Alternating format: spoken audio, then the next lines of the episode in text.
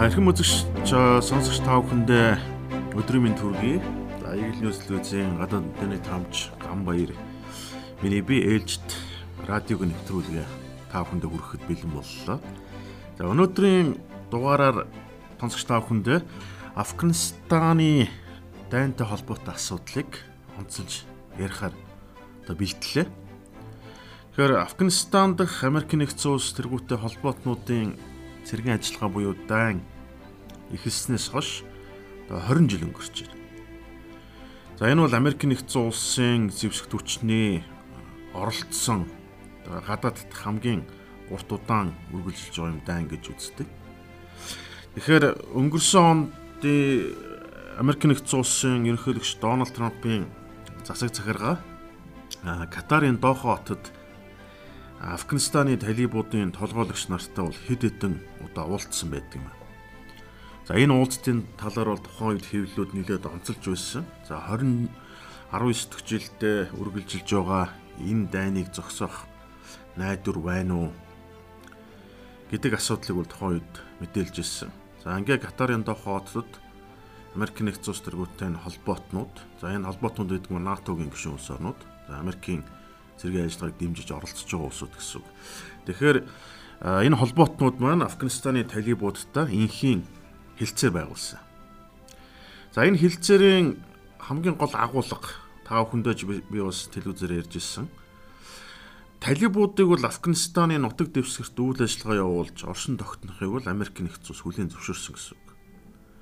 За ингээд Афганистаны нутаг дэвсгэр дээр Исламын улс Аль-Каида За эсвэл Пакистаны олон жихадист бүлэглүүд үйл ажиллагаа явуулахыг зөвшөөрч болохгүй. Талибууд өөрсдөө нутаг дэвсгэрт хяналт тогтоох ёстой гэдэг. Мөн Афганистаны үндэсний армийн талибуудын одоо шоронд хоригдож байгаа хүмүүсийг суллах гэсэн ийм шаардлагуудыг тавьсан. За хамгийн гол одоо үүрэг бол талибууд Афганистаны үндэсний засгийн газар цэрэг аримтайгаа ивэн гэрээ байгуулах ёстой. За өнөөдрийн байдлаар бол энэ яриа хэлэлцээ ерөнхийдөө хурдталт орсон. Ямар нэг ахис дэвшил гараагүй байгаа. За Афганистаны ерөнхийлөгч Ашраф Гани за засгийн газрын одоо бусад албан тушаалтнуудыг хэлж байгаагаар бол яриа хэлэлцээ үргэлжлэнэ. Итгэл найдвар өгч байна гэсэн ийм зүйлийг үл ярьдаг юм. За Америкийн нэгдсэн улс болон холбоотнууд болохоор энэ оны 5 дугаар сарын 1-ээс өмнө цэргээ бүрэн эргүүлж татах ийм амлалт өгсөн байсан.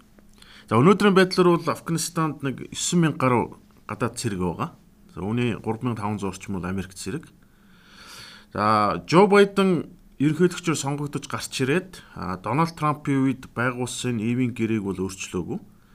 За манай улс бол цэргээ эргүүлэн татнаа гэдгийг бол дахин мэдгдсэн байна. А гэхдээ 5 дугаар сарын 1-ээс өмнө боломж байхгүйсэн учраас ирэх 9 дугаар сарын 11-ээс өмнө за үлдсэн цэргүүд ээлж дараатайгаар гарахаар төлөвлөж байна гэдгийг бол зарлчихсан байгаа. За өөрөөр хэлбэл цэргээ эргүүлж татах хугацаа 6 сараа сонгосон гэсэн.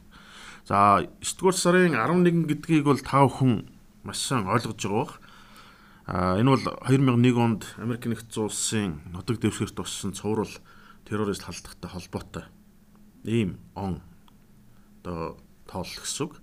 Тэгэхээр эх 9 дугаар сарын 11-ээс өмнө Америк зэргүүд тус улсыг бүрэн орхиж гарахар болсон. За энэ цэрэг орхиж гарна цэрэг эргүүш татна гэдэг бол өөрөө бас нэлээд зохион байгуулалт шаарддаг, цаг хугацаа шаарддаг юм үйлвч. За тэргийн цэргийн хүнд техник хэрэгслүүд, танк, хоёрт машин зэргийг бол буцаад очиад явна. За цэргүүд бол зэвсэг техник хэрэгслүүдтэй бол авч явна. За зүгээр Афганистаны энэ хэвлэлүүдийн хэлж байгаагаар бол Америк цэргүүд өөрсдийнхөө хэрэгцээнд байсан зарим нэгэн одоо энгийн иргэний зориулттай зүйлсийг бол орхиж одоо явахыг бол зөвшөөрдөг юм байлаа. Жишээ нь хоол хүнсний бүтээгдэхүүн, ойр зургийн ахуйн хэрэглээний бүтээгдэхүүн нэг бол бас орхиод явцдаг. Ийм зүйл бол харагдаж байгаа.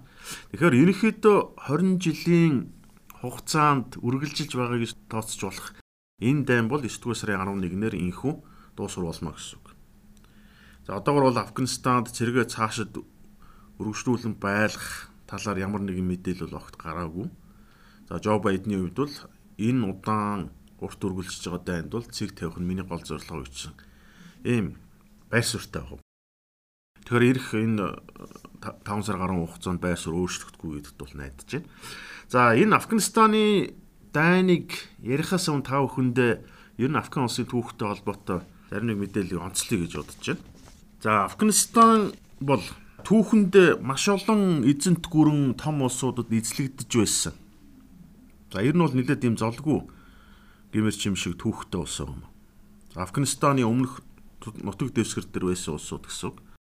За жишээ нь Афганистан улс бол түүхэндээ Македоны Александр, одоо Грекийн грекчүүдийн Аз дахь Аяндан за Арабын халифат буюу Арабын эзэнт гүрнүүд за Монголын эзэнт гүрэн за бүр сүүлд бол Их Британийн одоо колони байсан Их Британд эзлэгдэж ирсэн. За зөвлөлт холбоот улс бол 1979-оос 1989 онд бараг 10 жил тус улсууд дайцсан. За ингээд 2001 оноос хойш Америк нэгдсэн улс тэргүүтэй холбоотнууд гэж тооцох юм бол Америкийн Афганистан дахь дайн гэж бас онцолж яриад байгаа. За бас олон жилийн өмнө би Афганистаны нэг сэтгүүлчийн ярилцлагыг л орчуулж ирсэн. За тэр сэтгүүлч юу гэж хэлсэн бэ гэхээр Үнэхээр манай үндэстэн манай энэ Афганистаны өнөөгийн нутаг дэвсгэр бол олон эзэнт гүрэн том улсуудад эзлэгдэж исэн. Бид бол маш их хохирол амсч исэн зовлон үтсэн бол үндэстэн. А гэхдээ тэдгээр том улсууд бол удаан хугацаанд Афганистанд эзэн суудаг юм а. Тодорхой хугацаанд орхиод гараад явдаг гэсэн. Тэгэхээр эндээс юу яриад байна гэхээр ер нь бас хэвлэлүүд бичдэг. Афганистан бол яг удаан хугацаагаар байж эзэлж оршин суухад бол их төвхтэй ер нь хүсээд байхаар тийм газар биш гэсэн ийм утга агуул бас яригддаг юм. За Афганистан улс нь бол Пакистан, Иран, Туркменистан, Узбекистан, Тажикстан, Хятад улстай хилэлдэг. Ерөнхийдөө их ууларх нутаг дэвсгэртэй. Тэгэхээр ууларх гэхээр бол ерөнхийдөө газар тариалан эрхлэхэд бол маш төвхтэй юм. За энэ талаар бол Афганистаны одоо ерөнхийлөгч төрийн албан тушаалтууд бас ярьж ирсэн. Яг л Афганистан бол хар тамхины түүхийд тариалдаг дэлхийн томоохон төвүүдийн нэг. Афганистаны намуу цэцэг хар тамхины түүхийдийг хэмжээгээр тариалаад хурааж аваад Пакистанаар дамжуулаад Европ руу гаргадаг гэж үзэж байгаа. За энэ нөгөө хар тамхины тээврийн зам гэсэн үг. Тэгээ энэ уулархаг нутагтай учраас үл чиг маш дутагдaltaй. За үржил шимтэй хөрс бол том баг. Тийм учраас хар тамхины уран боловын намуу цэцэг бол энэ зэрлэг уран маш ингээд ямар нэг онцгой нөхцөл арчилгаа шаарддаг учраас Афганистаны баг эдийн засгийн нэг их үүсвэр мөнгө олдог юм нь бол энэ яа харахгүй хар тамхи гэж бас хүлэн зөвшөөрсөн байдаг. За талибууд бол хяндаг хар тамхины 8. За Америк нэгдсэн улс тэргүүтэй холбоотон гадаад цэргүүд энэ Афганистаны хар тамхины 8-ыг хязгаарлах чиглэлээр бол том хөтөлбөрүүд хэрэгжүүлж ирсэн. За тарийн талбайг нь шатаадаг. За гэвч харамсалтай нь бол үүнийг бол хянах ямарч боломжгүй болсон. Зөв нэгдсэн үндэсний байгууллагын тооцоосноор өнгөрсөн энэ 5 6 жилийн хугацаанд бол Афганистанд намуу цэцэг үе энэ хар тамхины түүхийдийн одоо олборлолт тариалд улам нэмэгдсэн гэсэн ийм юм яриад байгаа. Өөрөөр хэлбэл талибууд чинь хар тамхины түүхийдээ тариалжиж өөрсдөө зэвсэг худалдаж авдаг. Тэгэхээр Америк нэгдсэн улс тэргүүтээ энэ холбоотнуудын тус усоос орхин гарч байгаа гэрээ байгуулга явж байгаа бас нэг шалтгаан бол талибуудыг бол үндсэндээ Афганистаны нутаг дэвсгэр дийлэхгүй юм байна. Оршин тогтнолыг хүлээн зөвшөөрч байна л гэсэн үг. За Афганистаны хүн ам бол 32 сая орчим байна. За ерөнхийдөө багцаа тоогоор хэлж байгааг таах ойлгож байгаа. За нийт хүн амынх нь бол 40 гаруй паштун дундсдаг гэж. За энэ паштунаас бол энэ талибууд гаралтай. За паштунууд бол Афганистанд ч байгаа. За Пакистаны хүн амын 15 орчим үе бүрдүүлдэг. Тийм учраас талибууд гэхэр зөвхөн Афганистаны биш Пакистаны талибуудыг хүртэл нэрлээд байгаа. Тийм учраас энэ одоо хил залгаа хөрш улсууд учраас нөгөө хилийн харуул хамгаалт бол тун сул. Тэгэхээр талибууд бол Пакистанаас Афганистаны хооронд гэж байнга чөлөөтэй зорчиж байдаг. За энэ хамгийн гол аюул занал хэл гэж үзээд байгаа. За паштунуудаас гадна тажикууд байна. За энэ бол голдуу нутаг дэвсгэрийн хойд хэсэгт байгаа. Хазаараа гэдэг. За хазаараа бол бас Монгол гаралтай, Төв Аз гаралтай гэж үл үздэг. За та бүхэн ч бас сайн мэдэх энэ хүрээлэн төслийн санаачлагчийн Буян Баатар ах бол энэ NTV телевизэд байхдаа дэлхийн монголчууд гээд цуурал сонирхолтой нэвтрүүлэг хийж ирснийг та бүхэн үзсэн байж магадгүй. Тэнд ялангуяа Афганистанд очиж хазаараа иргэдтэй уулзж ирсэн юм буй. За хазар оюутнууд ч гэсэн бас Монгол улсын их сургууль суралцчаад төгсөөд явсан ийм жишээч хүртэл байдаг. Би бас өөрөө уулзж ирсэн. Тэгэхээр хазааны нарын дээр хилд бол яхаарахгүй Монголтой төстэй өвгнүүд бол маш олон байдаг. Тэгэхээр бас Монгол гаралтай гэж нэг талаар үзэж болох. За ийм зүйл бол байгаа. За Узбекүүд байна, Аймак гэж усаатны бүлэг байна, Туркмен байна, Балууч гэдэг. Тэгэхээр ерөнхийдөө Афганистан бол Хуамын дийлэхийн паштуунууд бүрдүүлж байгаа боловч бусад олон жижиг усаатны бүлгүүд одоо амьдэрдэг ийм онцлогтой болсон. Ялангуяа хазаараа нарын хувьд бол энэ талибуудын алдлан хүчрхийлэл маш хөртөж их зовлон амссан байдаг. За 2001 онд Америк тэргүүтэй холбоотнууд орж ирснээр талибуудын дэглэмийг түлхэж унгаад за ингээд Тажик, Хазара, Узбек, Туркмен, Балууч гэд энэ үндэсний цөөнх улс угсаатны бүлгүүдийг бол тайван амьдрах боломжийг олгосон гэж бол нэг талаараа тайлбарладаг байна. За ингээд Афганистан дахь дан эхлэхээс өмнө юу болж исэн бэ гэдгийг та бүхэнд бас товчхон одоо сануулъя гэж бодож байна. За 1998 онд Америк нэгдсэн улсын Африкийн хоёр улс дахь элчин сайдын яамны гадна хүчтэй дэлбэрэлт болж ирсэн юм. Террорист халдлага гэсэн үг. За энэ бол 1998 оны 8 дугаар сарын 7-ны өдөр. А Кени нийслэл Найроби хот дахь Америк нэгдсэн улс элчин сайдын яам. За Танзаны нийслэл Дарес Салам дахь Америк нэгдсэн улс элчин сайдын яамны гадна ингээ зохион байгуулалттай дэлбэрэлт болсон. За дэлбэрэлтийн улмаас 200 гаруй хүн амнаас алдсан байд. Та бүхэн интернетээр хайгаад үзэх юм бол элчин сайдын яамны барилга нурж сүйдсэн аимшигтай дүр зургийг бол харна. За 2000 онд 2000 оны 10 дугаар сарын 12-ны өдөр Адени бомбт дээр шатхууна цэнгэлж байсан Америк нэгдсэн улсын тэнгисийн өвчний USS Cole гэж байлдааны хөлөг онгоц руу террористууд халтсны улмаас за тухайн үед бол 17 Америк зэрэг амнаас алдчихсан юм. Энэ алдлагын улмаас бол 17 зэрэг амнаас алдсан 37 шархагдсан байдаг. За энэ бол одоо 1987 оноос хойш Америкийн тэнгисийн өвчний онгоцонд халтсан одоо хамгийн их хохирол амссан тохиолдол болж исэн ба. За тухайн үед бол Аль-Каида бүлэглэлийн террористууд завьар хөлгөлж очоод одоо яг онгоцны хажууд бол бөмбөгөд илбэлсэн. За ингээ байлдааны хөлөг онгоц одоо хэмжээгээр сүйтсэн ба. Үүнээс хойш жилийн дараа буюу 2001 оны 9 дугаар сарын 11-ний өдөр. За энэ үйл явдлыг бол тухайн үед Eagle телевизээс CNN телевизийн одоо эфирийг шууд дамжуулж ирснийг та бүхэн санаж иж магадгүй. За би бол өөрөө тэр үед оюутан байсан. Тэгэхээр хэдэн өдрийн туршил ярьж ирсэн. За 9 дугаар сарын 11-ний халдлагын улмаас Америк нэгдсэн улсад одоо 2977 хүн нас орж 25 мянган гаруй хүн шархагдсан буюу гэмтэж бэрцсэн байдаг. Дид үтц энэ байгууламжуудад 10 тэрбум долларын хохирол очилсан гэж. За мэдээж тав хүн мэдж байгаа бах. Энэ халдлагын улмаас хамгийн хохирол амсан бол дэлхийн худалдааны төвийн Нью-Йоркт хоёр ихэр цамхаг иргэний агарын төвний хоёр онгоцыг мөргөж онгоц сүлгөлж очиод ихэр цамхыг бол мөргөж нураасан. За энэ дэлбэрэлтийн улмаас ийм олон ханаас алдсан байдаг. Тэгэхээр энэ хоорондоо ерөөсөө нэг 2 1 2 жилийн зайтай улсын эдгээр халдлагуудыг Америк нэгдсэн улсын засгийн газар бол Аль-Каида бүлгэл үйлцэн гэж бол мэдгдсэн. За Аль-Каида бүлгэлч гэсэн өөрсдөө үлдсэн гэдгээ бол тухайн үед мэдгдсэн байдаг. За ингээд 2000 а 1 оны 10 дугаар сард Афганистан дахь Америк нэгдсэн улсын цэргийн ажиллагаа эхэлсэн байдаг. За мөн л тухайн үед бол дэлхийн томоохон хэвлэл мэдээллийн хэрэгслүүд одоо мэдээлж ирсэн. Тэгэхээр яг өнөөдөр бол энэ дан эхэлснээс хойш бараг 20 жилийн хугацаа өнгөрч байна л гэсэн үг.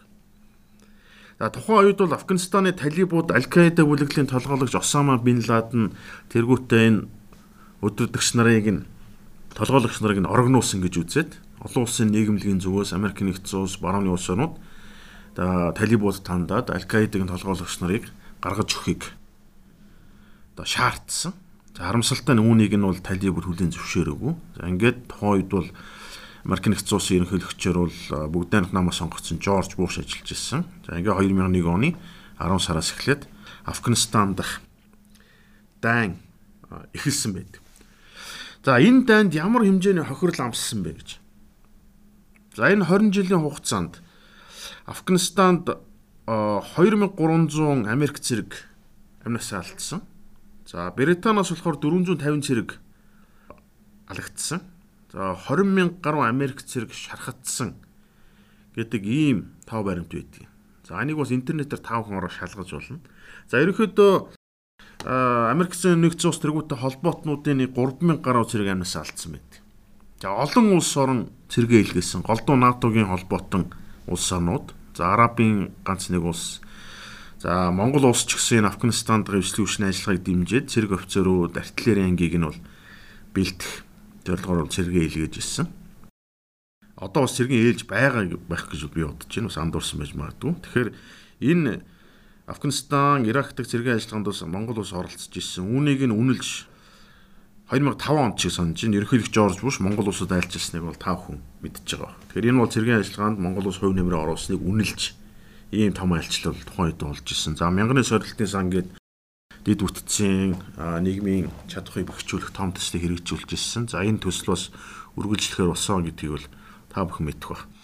Тэгэхээр бол зөвхөн Америк болон гадаад цэргүүдийн хохирол байна.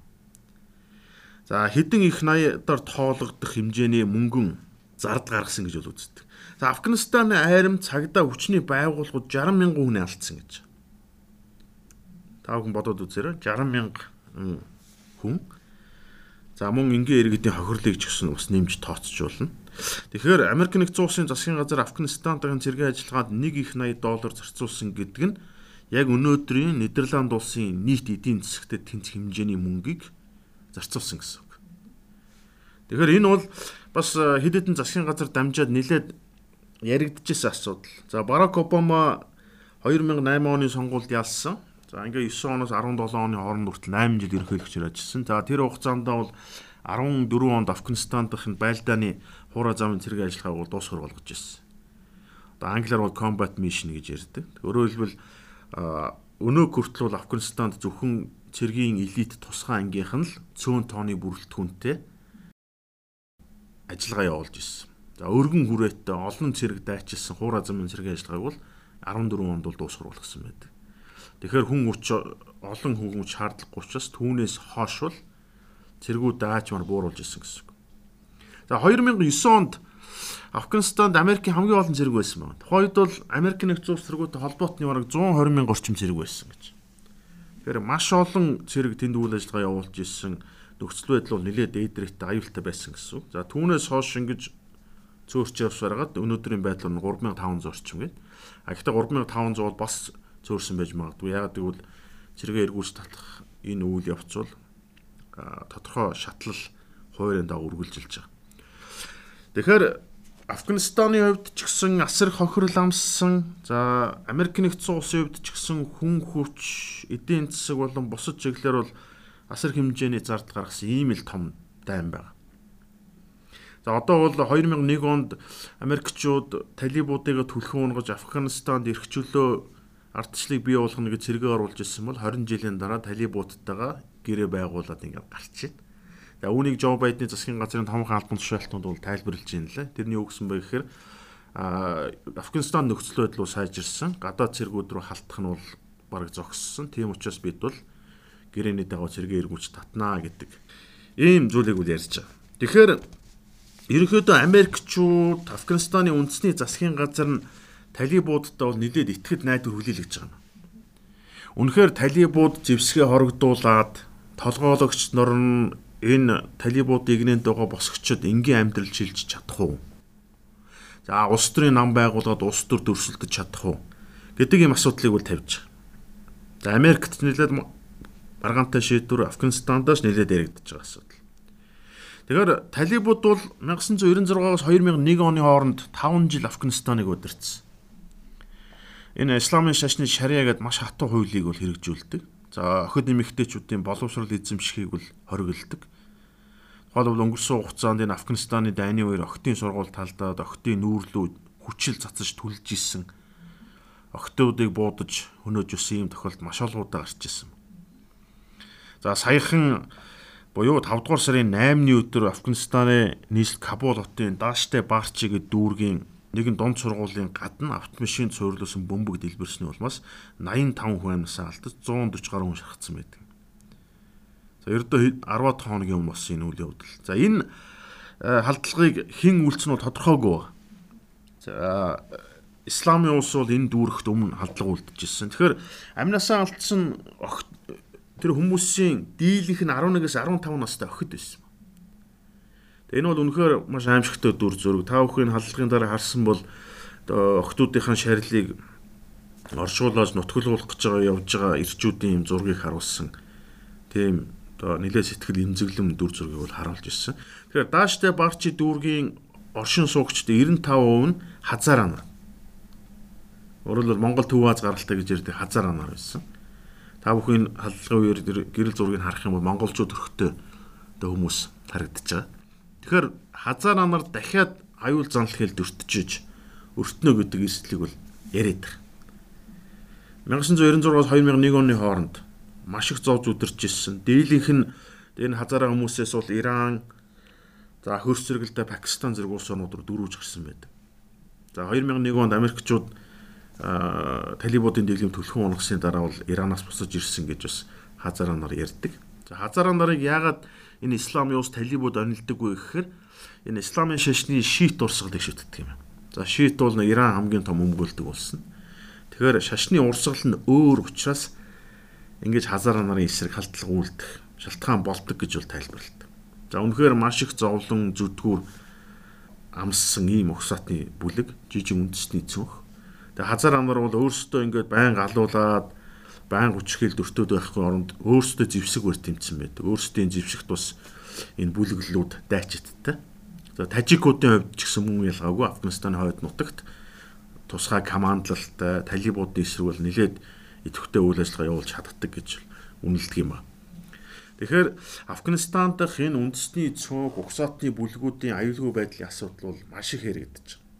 За 5 дугаар сарын 8-нд Дааштай Барчи дүүрэх туусан тэр халдлагыг бол талибууд үйлдээгүй бид бол үүний хариуцлага хүлээхгүй гэдэг тухайд бол хэлж ирсэн. Тэгэхээр исламын ус бүлэглэлтэй холбоотой байж магадгүй гэсэн зүйлийг ярьж байна. Тэгэхээр энд бас нэг зүйлийг ярьж байна. За нэгдсэн үндэсний байгууллагын дэргэд ер нь дэлхийд даяар үйл ажиллагаа явуулдаг энэ исламын жихадист террорист бүлэглэлүүдийн үйл ажиллагааг хяндаг одоо мониторинг гэж ярьдаг ийм байгууллага байдаг юм.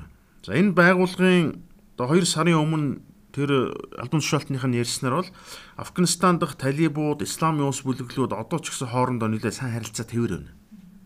Тэгэхээр талибууд нь исламын улс аль-Каидагаа хөөж гаргана гэдэг найдвар бол одоо тун баг байна гэсэн ийм анхаарах зүйлийг ярьж. За ямар ч үсэн талибууд Афганистаны засгийн газартайгаа бол яриа хилцэн хийж байгаа. Одоогоор ямар нэгэн томох ахис дэвшил бол гараагүй. Афганистаны армийн эсрэг ажиллагаагаа бол үргэлжлүүлсээр байна. За саяхан өнгөрсөн 7 хоногт бол Афганистаны хэд хэдэн хот одоо суурин газруудыг талибууд эзэлсэн, хяналтаа тогтоосон гэдэг мэдээллийг BBC-ийн веб сайтн дээр ярьж ирсэн. За Афганистан талибуудын хоорондын яриа хилцээ бол илүү улс төрийн одоо үйл явц гэдгийг та бүхэн ойлгож байгаа. Тэгэхээр энд бол ахис дэвшил гарна гэдэгт бол найдаж байгаа. За өөр нэг зүйлийг ярьж байгаа нь юу гэхээр нөгөө Афганистаны армийн хүчин чадлын асуудал. Энэ арим зэвсэгт хүчин гэдэг бол тухайн улс үндэстэн нутаг дэвсгэр хүн амаа гадны халдлагаас дотоодын элдв бүлэглэлүүдээс хамгаалах үүрэгтэй. Тэгэхээр Америкчууд холбоотнууд гаргаад явчихаар Афганистаны арим нь талибуудтайгаа өөрсдөө нүүр тулж ялж чадах уу? Тулдаж чадах уу гэдэг асуудал гаргаж. Энэ бол үнэхээр сонирхолтой. Нэг талаас бол нэлээд айдас хүрмээр юм асуудал. За та бүхэн Холливуудын болон энэ Оросын Афганистаны дайнтай холбоотой уран сайхны кинонуудыг үзсэн байж магадгүй. За энэ кинонууд дээр нэг зүйлийг ярьд. Энэ Афган цэргүүдэд бол найдад хэрэггүй. Эдгээр чинь нэг мужахедууд талибууд дайраад ороод их юм зевсгээ хаяа зүгтжиж магадгүй хүмүүс гэж. Биднийгээ ч гэсэн буудажиж магадгүй хүмүүс гэж ярьдаг. Тэгэхээр энэ бол яг харахгүй цэрэг армийн хүрээнд Афганистаны арми бол хүчин чадал нэлээд сул. За аюул тохиолдох юм бол баг өөрсдөө зүгтаад орхиод явж иж магадгүй гэсэн ийм болгоомжлыг төрүүлээд байгаа. Афганистаны ерөнхийлөгч Ашраф Гани болохоор бид цэрэг армиа бол маш сайн бэхжүүлсэн Аа тийм учраас бол талибууд болон бусад бүлэглэлүүдтэй бол бид уулзраа олж чаднаа гэсэн зүйлийг бол одоогоор яриад байгаа. За саяхан Оросын ард телевизийн вебсайтн дээр нэг сонирхолтой мэдээлэл тавигдсан байсан юм. За энэ бол Афганистаны айрам армийн байлдааны бэлэн байдалтай холбоотой. За та бүхэн энэ нийтлээс сонирхуулъя. Аа өнгөрсөн 2020 онд Пентагон буюу Америк нэгдсэн улсын батлан хамгаалах яам Афганистаны айрамд 14 сая долларын санхүүжилтээр нэг төсөл хэрэгжүүлсэн юм байна. За энэ ямар төсөл вэ гэхээр цэрэг армийн ашиглаж байгаа тээврийн хэрэгсэл зэвсэг цэргүүдийг хянах ийм систем гэсэн. За Афганистан армийн танк, хуягт машин, цэргүүд нь хаана явж яана гэдгийг л ерөөхдөө хянана гэсэн. За энийг интернет сүлжээ гэр дамжуулж хянах юм систем байна. За гэтэл энэ системд холбогдсон 191 зэвсгийн агуулгын 78 нь бол огт ажиллагаагүй байна гэж. За та бүхэн одоо бодоод үзээрэй.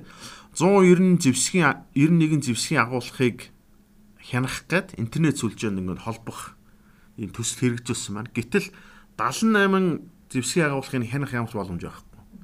Яасан бэ гэсэн чинь тэр зэвсгийн агуулгуудад цахилгаан байхгүй. Цахилгаан байхгүй учраас интернет сүлжээнд холбогдох ямар ч боломж байхгүй. Ийм хүндрэлтэй нөхцөл үүсч. Тэгэхээр тэр 78 зэвсгийн агуулга руу талибууд, янз бүрийн бүлэглүүд халдлаа гэхэд хянах систем байхгүй гэсэн. Тэг яг харахгүй дид үтцэн асуудал тавигдаж байгаа. За Афганистаны нис хүчний 167 байлдааны онгоцны 136-нд ажиллагаатай гэж. 30 гаруй онгоц нь ажилтгүй гэсэн. Тэгэхээр байлдааны нис хүчний ажиллагаа гэдэг бол орчин үеийн томоохон улс орнуудын хувьд бол хамгийн гол анхаарал хандуулдаг хамгийн их ашигладаг юм ажиллагаа бас. Яг гэвэл явган цэрэг оруулах нь өөрөө маш хэмжээний хохирол дагуулдаг учраас тухайн тагнуулын онгоцоор дроноор одоо тухайн банд цохилдох а эсвэл бөмбөгдөх сөнөөгч онгоцоор ажиллагаа явуулах нь илүү одоо хохирол багтаа гэж үзэж байгаа. За энэ Америк нэгдсэн улс бол холбоотнуудын хувьд бол Ирак, Афганистан, Пакистан зэрэг улсуудад ийм ажиллагаа явуулж байгаа. Гэтэл Афганистаны сүүчний 160 байлдааны онгоцны 136-нд ажиллагаатай. За 30 орчим нөөг ер нь баг ашиглах боломжгүй гэсэн. За энэ юутай холбоотой вэ гэд бас тэр цэргийн хүмүүс судлаад үзсэн чинь Афганистаны нис хүчин за хуурай замын цэрэг буюу айрамд механикч засварчдын нөөц дутмаг байдаг юм. Одоо та бүхэн одоо автомашин бол маш өөргөн хэрэгжилж байгаа та бүхэн ойлгож байгаа. Тэгэхээр механикч уу засварчин байхгүй гэсэн үг. За ингээд Афганистаны айран бол энэ 20 20 жил Америк цэргүүдтэй хамтарч ажиллаж байгаа учраас яг Америк цэргийн стандарт тэр дүрм журмын дагуу ингээд үйл ажиллагаа явуулдаг. Өндөр стандарттай байхыг хүсэж байгаа. За гэтэл механик засварчд байхгүй гэж. За энэ талаар бас нэг юм судалгаа байдаг юм. Жишээ нь нисг онгоц засдаг сайн механикч засварчин бэлтгэхийн тулд 7.5 жил зарцуулдаг юм. За зүгээр энгийн ойр зургийн засвар бол нэг 2 3 жилийн хугацаанд бэлтэх боломжтой гэж. Тэгэхээр тэр 30 гаруй онгоц нь ашиглах боломжгүй байна гэдэг маань тэр онгоцыг засаад, асаагаад хөдөлгөх тийм эсгэгч механикч нарын дутагдaltaй гэсэн үг гэж. За Афганистаны армийн хэрэгцээнд ашигладаг хуйгт машин одоо Humvee гэж та бүхэн мэдэх бах. Тийм шар өнгөтэй хуйгалсан автомашинууд байдаг. За Америк кинонууд маш их гардаг. За энэ машинуудын дөнгөж 20%-ийг л засч чаддаг гэж. За 100 машинаас 20-ыг засч чаддаг гэсэн. Тэгэхээр Америк цэргүүд 99 сарын 11-ний үнс өмнө гараад явчихоор нөгөө цэргийн машинаа засаад онцлоод хөдөлгөж чаддаг хүн баг байхгүй болно гэсэн. За энэ бол бас л талибуудын эсрэг яаж тулдах вэ? Яаж зэвсэг техник ажилуулж чадах уу гэдэг нь нэлээд асуудалтай гэдгийг л харуулж байна. Тэгэхээр бол үнэхээр Афганистаны дан 20 жил үргэлжилсэн. За ямар үр дүнд хүрсэн бэ гэдэг бол бас түүх харуулах бах. За ямар ч үсэн 20 жилийн өмнө бол талибуудыг түлхэн унгад зайлуулъя гэж орж исэн бол одоо талибуудыг бол дийлэхгүй юм байна. За оршин тогтнод ингэ хүлэн зөвшөөрье гэдэг л ийм л гэрээтэйгээр Америк нэгдсэн улс орхиж гарч байгаа. Тэгэхээр Энэ улс бол түүхэндээ маш олон эзэнт гүрэн том улсуу тэр дундаа бол Монголын эзэнт гүрэнд эзлэгдэжсэн юм уус. Гэхдээ энэ улсад бол хинч удаан хугацаанд байхад бол их төвөгтэй хүсээд байхаар газар бишээ гэдгийг бол харуулж байгаа. За ингээд өнөөдрийн нэвтрүүлгээрээ та бүхэндээ Афганистан дахь Америк болон холбоотнуудын дан зэрэг ажиллагаатай холбоотой асуудлыг бол хөндөж ярьлаа. За дараагийн нэвтрүүлгээрээ та бүхэнтэйгээ иргэн уулзъя.